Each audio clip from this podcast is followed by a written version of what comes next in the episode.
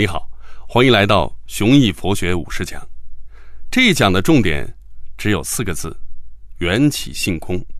含义简单讲，万事万物都是受因果律支配的、不由自主的、瞬息万变的聚合体。抓住这一句，传世佛经几千部，卷帙浩繁，你都不用怕，因为佛陀的原创性观点其实只有这一个。而佛教层层叠叠的理论、戒律、修行方法，要么建立在这个观点上，要么来自于对这个观点的不同理解。好，我们来看一下第一节：本来无一物。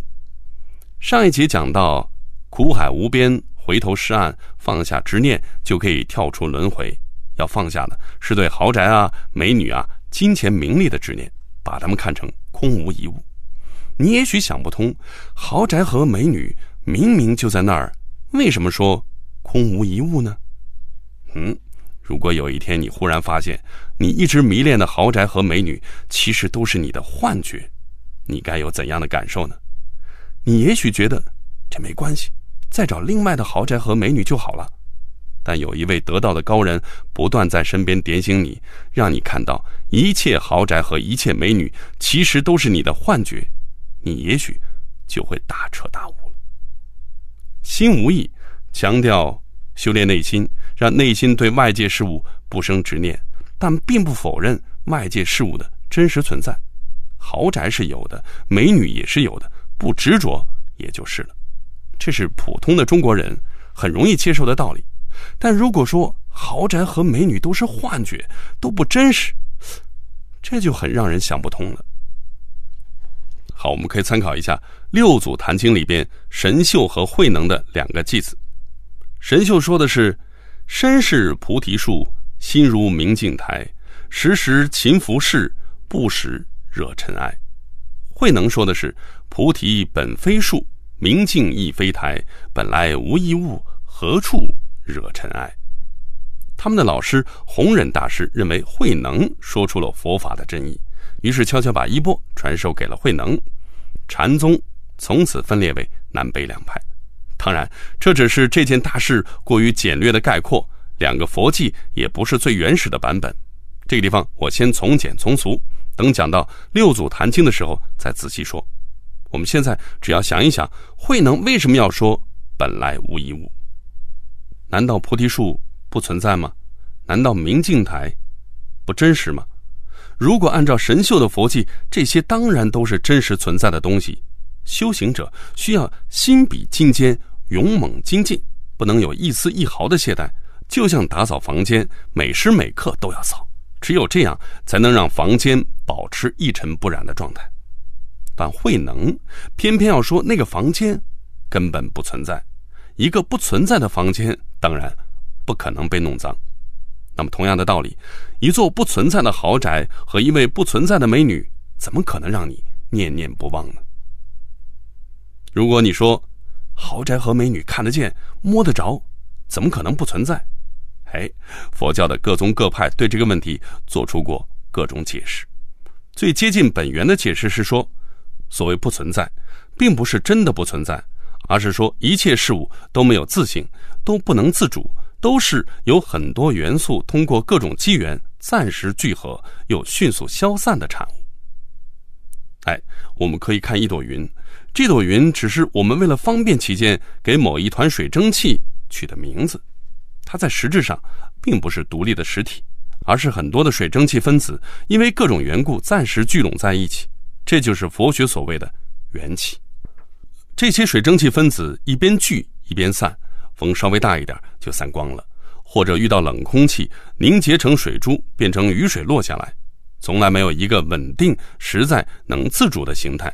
这就是佛学所谓的性空，缘起性空，这就是佛陀历经千辛万苦之后终于悟出的那个道。佛学的各种理论、戒律、修行方法，都是从缘起性空这四个字上生发出来的。缘分这个很通俗的词，就是从缘起性空这个高大上的佛学概念来的。你和你喜欢的人能不能修成正果，这不取决于你们的努力，而取决于你们之间的缘分。有缘千里来相会，无缘对面不相逢。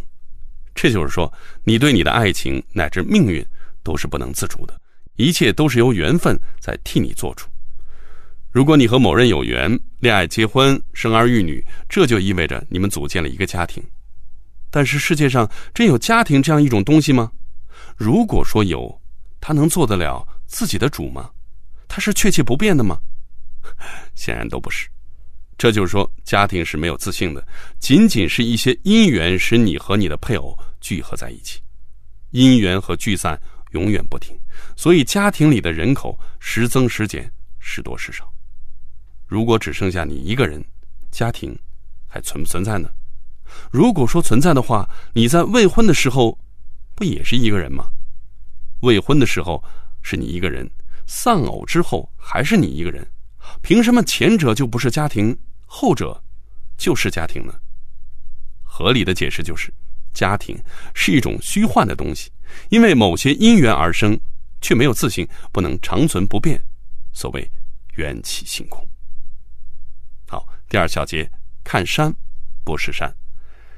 现在你可以试着用缘起性空的眼光重新看看万事万物，你会发现眼光一变，全世界就立即改观了。云不再是云。山，不再是山。宋代禅宗大师清源行思有一段很著名的话，说自己在参禅之前看山是山，看水是水；参禅之后看山不是山，看水不是水。后来功力深了，看山还是山，看水还是水。很多人理解这段话都是从人生境界的角度出发，但如果从佛学的角度来看，看山是山，看水是水。这是普通人的感受。当你知道缘起性空的道理之后，山在你的眼里就不再是山了，而是无数石头、土壤、植物的短暂聚合体，瞬息万变。弹指间就死掉了几棵树，弹指间又碎掉了几块石头。我们只是出于沟通和理解的便利，才把这一团变动不居的、由无数各式各样的东西临时排列成某个形状的集合，叫做山。你能见到的任何事物，其实都不是单个的事物，而是由若干事物排列出来的集合，而无论是排列物还是排列方式，都在瞬息万变，恒常不变的状态是不存在的。这就是无常这个概念最本质的含义。于是我们看到，任何事物在空间上看都是无数元素的集合，在时间上看，那些元素都在不断的增加和变化。所以，一个叫山的东西是不存在的，一切名词都只是我们为了沟通和理解的便利而创造出来的。这些名词一经创造，人们就错误的认为一个名词总会对应一个事物。那么，名词既然是确定的，它所对应的事物也就应该是确定的。这样一来，人们对全世界的理解从根子上就都错了。我们用今天的知识来看，缘起性空揭示出了一个很严峻的语法问题。名词概念虽然是我们理解世界的必要工具，但这种工具有着很大的缺陷，会严重歪曲我们对世界的理解。这就好像我们生来就是戴着有色眼镜的，一辈子都摘不掉。即便是佛陀，也没有办法帮我们摘掉这副眼镜。但好消息是，它可以告诉我们这副眼镜的颜色和遮光率。让我们知道该怎样修正我们看到的景象。所以，一些著名佛经对语言文字有一种特殊的警惕性，比如《金刚经》有一句非常经典的句式：“佛说某某，即非某某，是名某某。”如果佛陀给你讲了一套佛法，然后问你：“我讲了佛法吗？”你如果说讲了，那就说明你没懂；如果你懂了，你的回答就应该是没讲。明明讲了，为什么要说没讲呢？嗨，因为佛法也和山水、豪宅、美女一样，佛法这个名词概念并不能够正确对应它所表达的事实。佛如果说山，他说的并不是山，而是某些岩石、土壤、植物的集合。只不过我们没法用我们的语言来准确表达事物，这才不得已用山这个概念来涵盖那些复杂、混乱。多变的东西，我们必须知道，佛陀是两千六百多年前的人，手边能利用的文化积累很少很少，所以在表达观点的时候，难免会有一点费力。后来的那些高僧其实也存在这个问题，尤其是对那些很抽象的道理，要费很大的力气才能讲出一个轮廓。如果他们学过今天的语言学的基础知识，只要懂得能指、所指和集合名词这三个概念，真能节省他们很多的口舌。理解了这些内容之后，你可以试着解释一下《金刚经》里边的一句名言：“凡所有相，皆是虚妄。若见诸相非相，即见如来。”更要紧的问题是，佛陀是在怎样的土壤里产生出这样的见解呢？